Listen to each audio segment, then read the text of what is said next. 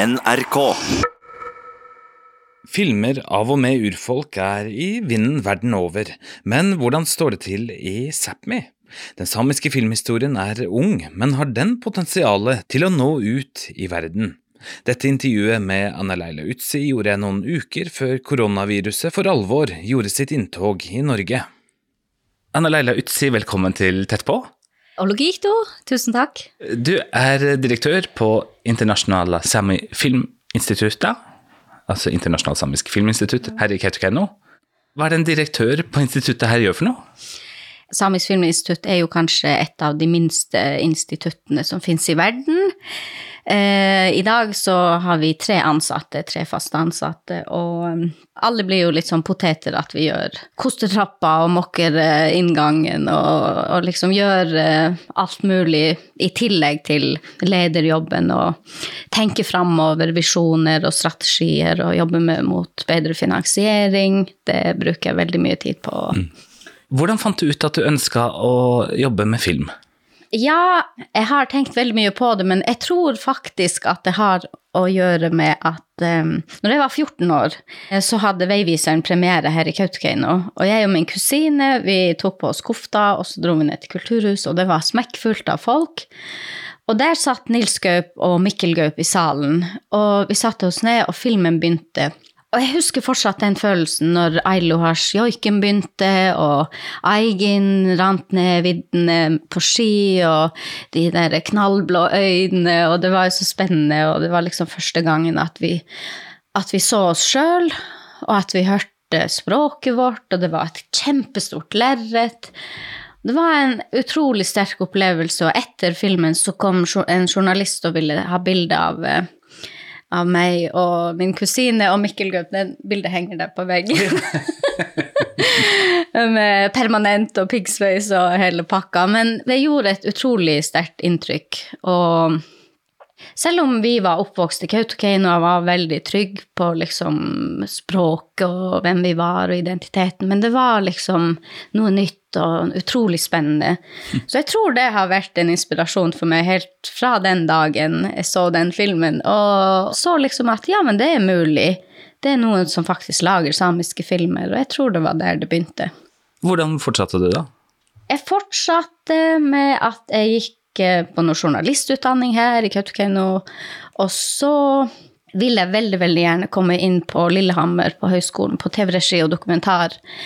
Eh, men så hadde jeg liksom ingen erfaring, så jeg, dro til eh, NRK Sápmi og snakka med sjefen der. den gangen var det Nils Johan Hetta og sa til han at jeg trenger erfaring så jeg kommer inn på filmskolen. Kan ikke jeg få jobbe på TV-sida? Liksom. Og så sa han at ja, hvis du klarer å selge en reportasje til Norge Rundt, så skal du få jobb.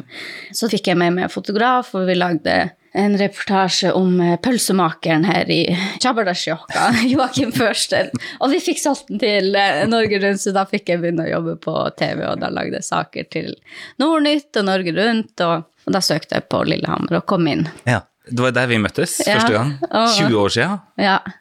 Du var så interessert i å lage filmer om samisk tematikk. Alt, alt du lagde skulle ha, ha samisk innhold, eller, eller være mm. relevant for Sápmi. Hva var det som gjorde at du var så bestemt der, tro? Nei, men jeg tror jo at film, eller alle fortellinger og liksom Det kommer jo fra deg selv og din bakgrunn og din kultur, og det er jo liksom der der alle historiene kommer ifra. Og jeg husker jeg hadde en diskusjon med en av lærerne der, og han mente at det her sterke engasjementet for det samiske og litt så, nesten litt sånn politisk, det overskygger liksom den her film kunstneriske uttrykk, ikke sant. Mm. Og vi hadde masse diskusjoner om det, og, men jeg ga, ga, meg liksom ikke på det og sa at jo, men det, det, er derfor jeg er her, og det er viktig for meg. Og jeg kan, jeg kan ikke lage om, om noe annet. Hvorfor er det så viktig at det er samer sjøl som setter lys på temaer som er relevante i Sápmi, da? Hvis man ser i lys av eh, hva skal man si, vår historie, med fornorskning og undertrykkelse, og at vi har vært veldig usynlige i majoritetsbefolkningen i veldig, veldig lang tid, og har egentlig ikke hatt muligheten til å fortelle våre egne historier. Så det at vi selv kan fortelle våre historier og liksom definere vår fortid og vår nåtid og vår fremtid. Jeg mener at det er veldig, veldig essensielt viktig, og at usynliggjøring er en veldig stor trussel for det samiske folk, men også urfolk generelt i verden. At, at vi må være synlige, vi må finnes. Vi må eksistere, både for oss sjøl og for andre. Det er veldig, veldig essensielt. Både for liksom nåtiden, men også fremover. Og spesielt med tanke på våre barn og unge. At de skal vite at de finnes, og at det at det er bra nok og det er fint, og de kan være stolte. og Hvis du ser tilbake da du starta å jobbe på Filminstituttet her, altså la oss forstå hva slags reise du har vært med på i, i den tida du har vært her. Ja, jeg kan først si litt om hvorfor vi etablerte Filminstituttet. Jeg bodde noen år i Oslo, jobba der, men så fant jeg ut at jeg må flytte hjem, for sønnen min skulle begynne på skolen.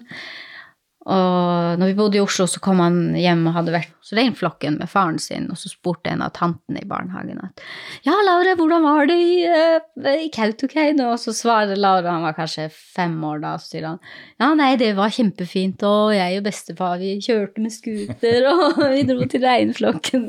Da tenkte jeg bare ja, nei, det er det ikke, da. Jeg tror vi må komme oss hjem. Så da flytta vi hjem. Så begynte han på skole her, da. Så det var selvfølgelig en av de viktige grunnene til det. Men en annen ting var at etter filmskolen så prøvde jeg også å finansiere egne prosjekter, og de var gjerne litt sånn aktivistiske og politiske, og fikk aldri noe liksom eh, tilskudd fra Norsk Filminstitutt, de skjønte ikke hva jeg snakka om i det hele tatt. Og det var flere andre også som liksom aldri fikk finansiert sine samiske filmer, som Nils Gaup, for eksempel.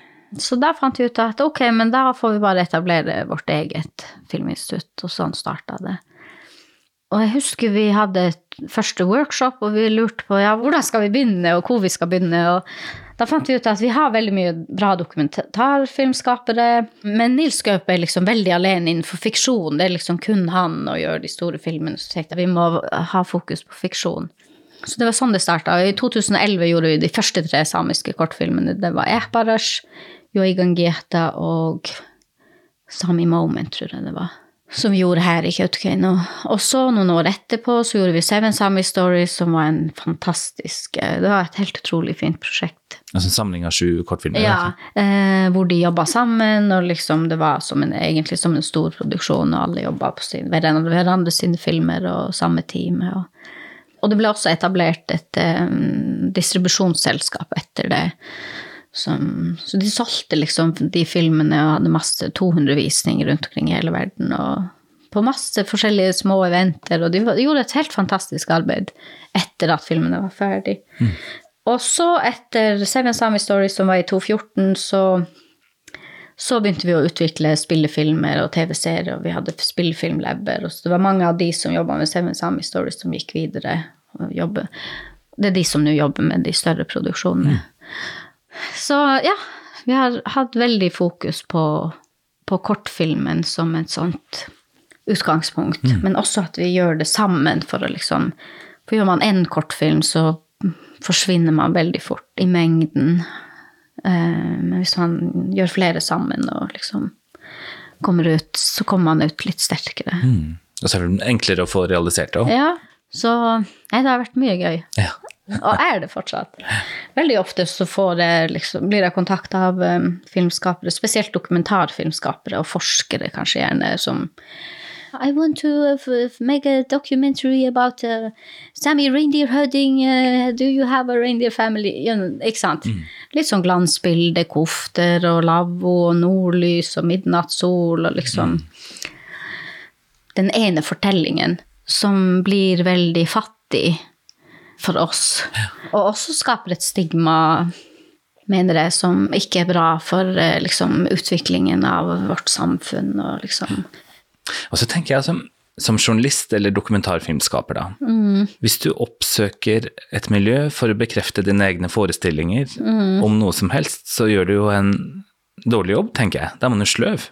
Da tar du ikke med deg den nysgjerrigheten som du burde når du kommer inn i et miljø. Mm for å utfordre de forestillingene man eventuelt måtte ha, da. Ja, ikke sant. Og det, det er liksom eh, litt sånn overfladisk. Jeg tror det er derfor vi trenger våre egne filmskapere, våre egne fortellinger. Fordi det er liksom flere lag, fortellinger som er mer komplekse og mm. mer kanskje provoserende, mer eh, spennende. Av de filmene som er eh, lagd av samiske filmskapere sjøl, da, hva slags fortellinger har de kommunisert ut til publikum? Ja, altså hvis man ser på den eh, samiske filmhistorien, så er jo ikke den så veldig lang. Den begynte jo i 1987 med Veiviseren. Og Nils Gaup var jo den første som gjorde den store samiske spillefilmen. Og ingen trodde på han, og han brukte ti år på å liksom overbevise finansiører om at det er mulig, og, og endte opp med å bli Oscar-nominert, og det var en av de største suksessene i norsk film på den tid. Mm. Og så kom det hvert tiende år så kom, har det kommet en samisk spillefilm som sto på Ministeren, 97 tror jeg det var, også Badzo i 2003, Kautokeino-opprøret i 2008 og Sameblod i 2016. Mm. Så vi har fem samiske spillefilmer som er liksom, laget av samiske filmskapere. Og siden Filminstituttet ble liksom, Siden vi kom i gang for ti år siden, så har vi fått en ny generasjon samiske filmskapere. Regissører, manusforfattere, produsenter. Og hvis man ser på de filmene som den nye generasjonen lager, med f.eks. Amanda Kernell sin 'Sameblod', som har vunnet vet ikke hvor mange, 25 priser rundt omkring i hele verden, som liksom kom nærmere vår tid. Mm fra 1930-tallet, og Elle-Maria som, liksom, som liksom rømte fra sin samiske identitet og ble svensk. Og, eh, også hvis man ser på eh, kortfilmene som lages, dokumentarer, så, så nærmer vi oss liksom vår samtid. Så nå er det mer samiske fortellinger fra i dag. Ja. Dagens samtid. Mm. Og så har vi en veldig, veldig stor overvekt av kvinnelige eh, regissører og også produsenter. I fjor hadde vi over 70% av liksom alle tilskudd som vi hadde gitt, så var det 75% samiske kvinner. Både regissører og produsenter. Og i år er det 55% Hvis man ser på norsk film, så så er det jo gjerne omvendt, at vi må liksom kvotere inn kvinner og sånn. Så, og, og, det preger jo også våre fortellinger og våre filmer. Og vi har eh, f.eks. Elle-Maja Tailfeathers, um, hennes film 'The Body Remembers When the World Broke Open', som handler om en ung kvinne som har opplevd eh, at kjæresten har banka opp henne, og så flere filmer innenfor den tematikken. Mm. Og at man forteller personlige historier om vanskelige ting, tabubelagte ting. Mm. Veldig modige, veldig fine, viktige og vakre filmer. Ja. Mm.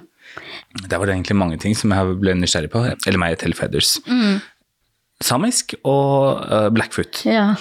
Det synliggjør jo det internasjonale potensialet, da. Mm. At du kan nå, nå ut i verden uh, som samisk filmskaper, da. Mm. Ja, selvfølgelig. Uh, Elle Maja hun, hun, bor jo i Canada. Og, men den filmen var jo en, en norsk-canadisk produksjon også. Samisk film, Vi var de første som ga tilskudd til, til manusarbeidet for noen år siden. Og, og, hun har jo også vunnet alt man kan vinne av priser, og nominert til alt mulig store filmpriser i Canada mm. og rundt omkring. Det er en filmregissør som er veldig i vinden nå, som heter Taika Waititi, som vant Oscar med eh, Jojo Rabbit, han er fra New Zealand, maori, som sa at Hollywood is running out of ideas. And uh, in the indigenous uh, cinema, this is where the interesting stuff is. Vi har de historiene som ennå ikke er fortalt, mm. og som derfor blir noe nytt og annerledes. Og, ja, som tilfører nye perspektiver? Ja, som tilfører nye perspektiver. For hva skal man si, i den vestlige verden så har man jo hatt muligheten til å lage film i, i veldig, veldig lang tid, og har fortalt liksom alle historier på alle mulige måter. Det er veldig mye remakes og mm. Så det blir noe nytt, og det blir noe fresht og annerledes som, som er vår styrke. Og, og en annen styrke vi også har, er at skal du lage film, spesielt spillefilm, så tar det veldig mange år. Kanskje fem-ti år avhengig av hvor, hvor, store produksjoner det er. Du må virkelig liksom trenge det og ville det og ha en sånn lidenskap og tro på prosjektet. Mm. Og det tror jeg våre filmskapere har på en annen måte. Nettopp fordi vi har vært så usynlige, og vi alle vil liksom gjøre noe bra for eh, liksom, kulturen vår, og vi må liksom fortelle våre historier. Så det, en, det er en veldig stor kraft som ligger i det. Mm. Hvis man ser på f.eks. i dag, så har vi flere filmer som også tør å utfordre vårt indre liv. Eh, og det er et veldig godt eksempel. Eh, Maria, Bol Maria Bolnango og Inger Bolnango sin 'Njokchamat', 'Tungene', som er en veldig, veldig vakker vakker og vond og poetisk um, film om uh, kvinner i, i reindrifta og et overgrep i den forbindelse. Og veldig, veldig modig tematikk, men også måten de har gjort den på som er helt annerledes. Mm. Bidrar det til å skape debatt? hva skal man si Nei, egentlig ikke. Den har jo kanskje ikke liksom Hva skal man si nådd det samiske publikummet. Og det er, jo, det er jo alltid en utfordring med kortfilmer. De vises på festivaler, og så Jeg vet ikke. Jeg syns, jeg syns det har vært veldig, veldig stille. Men det er jo veldig ofte det i Sápmi. Det er jo ingen som sier noe eller mener noe eller Men er ikke det rart? Der er det jo et, et verk, da. Tilgjengelig for alle. Mulig å vise rundt omkring. Man kan vise det på samfunnshus, på nettet for alt jeg vet, hvis det er tilgjengelig der, da. Så er det noe sånn strukturelt i Sápmi som gjør at det liksom blir dyssa ned, eller at ikke det løftes opp som det burde? Ja, hvis man, hvis man ser på film spesielt, så er jo den etablerte filmdistribusjonen den når jo veldig ofte ikke de samiske småbygdene rundt omkring. Så for eksempel når Sameblod hadde premiere, så gjorde vi tok Filminstituttet initiativ til å gjøre en sånn liten samisk turné med filmen, så vi viste den rundt på små bygder rundt omkring, og, og liksom la til rette for at man kan vise den på samfunnshus og skoler, og man ikke trengte liksom kinoutstyr og DCP og sånn. Så jeg tror nok kanskje det har litt med det å gjøre. Det har i hvert fall jeg opplevd med den her oppbyggingen av Filminstituttet og liksom få frem en samisk bransje og flere samiske filmskapere, at, at Sápmi er egentlig et eh, prosjekt.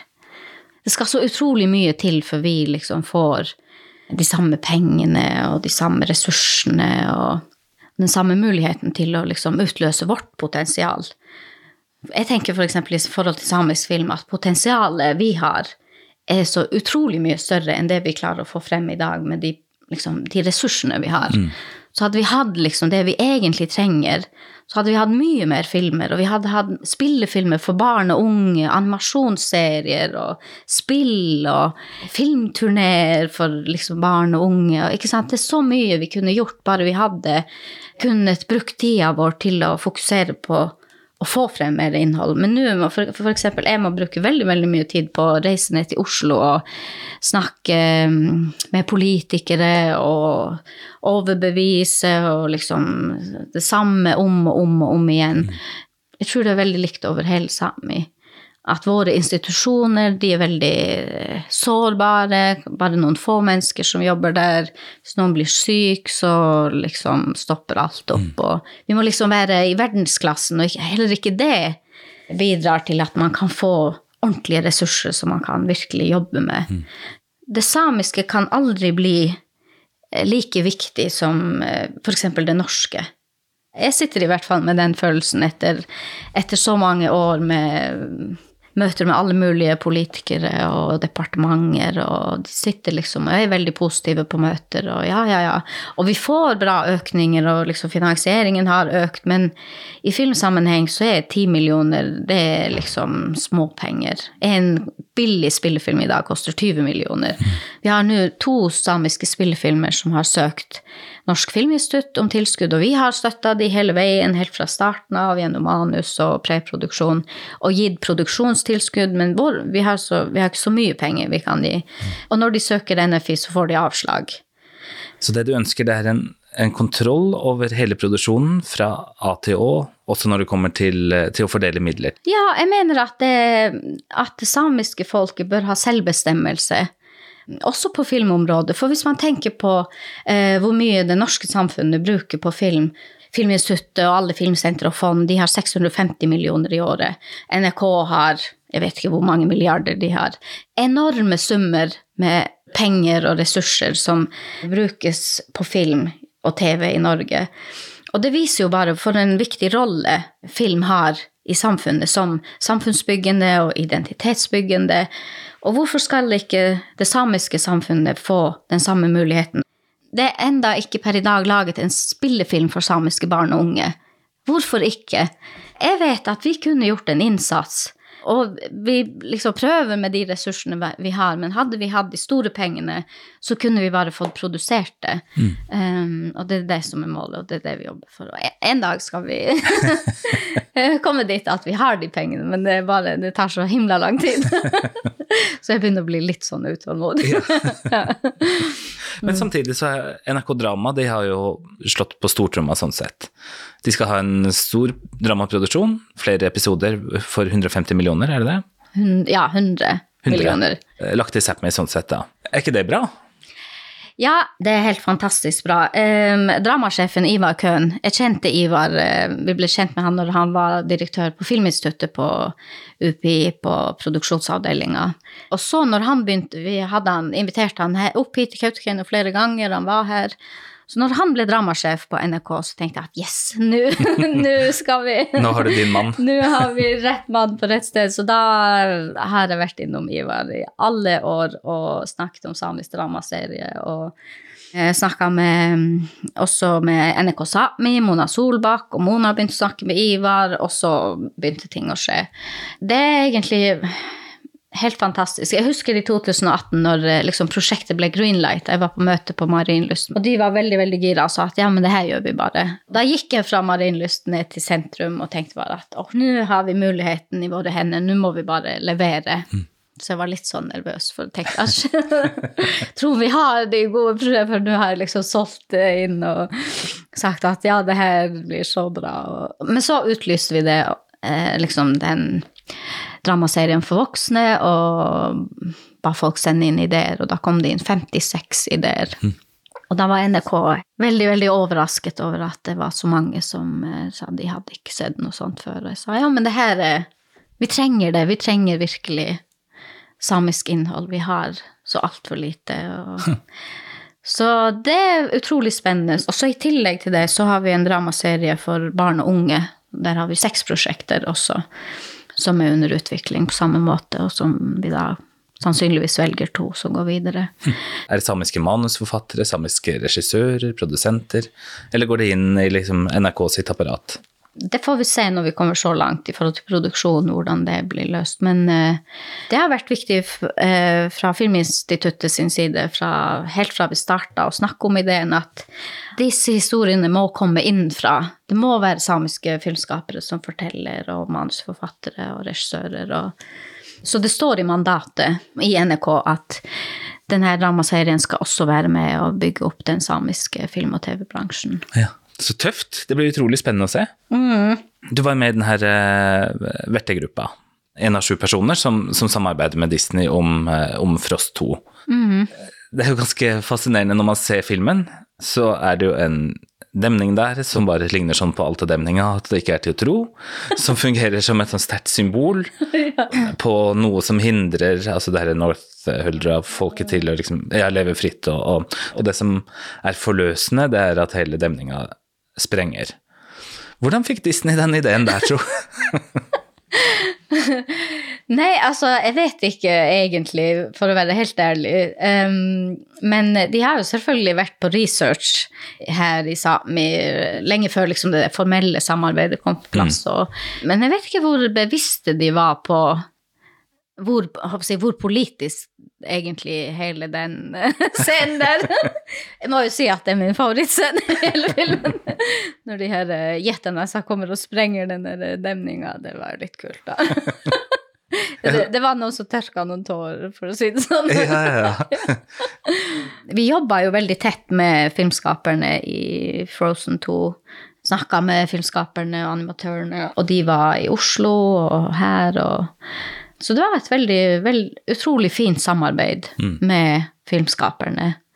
Men det som kanskje var det vanskeligste, eller mest utfordrende, det var å være en sånn, eh, hva skal man si, representant for det samiske folket. Og vi hadde mange diskusjoner rundt liksom, ja, men kan vi liksom gi lov til Disney til å gjøre det her? Og det føltes som et veldig, veldig stort ansvar. Og det var kanskje det vanskeligste, syns ja. jeg i hvert fall. Men hva fikk dere stoppa da? Var det noe dere fikk luka ut? Ja, vi hadde noen runder på f.eks. det med klærne. Som vi mener kanskje ble litt bedre enn det som var utgangspunktet. Mm.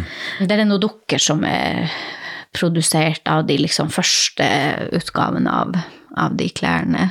Som ble endra eh, etter at vi kom inn i det. Også ja, i forhold til liksom små detaljer og at man kunne føle at ja, men det her er ok, vi trenger ikke å sitte og skjemmes og liksom åh. Som man ofte kan, kan gjøre.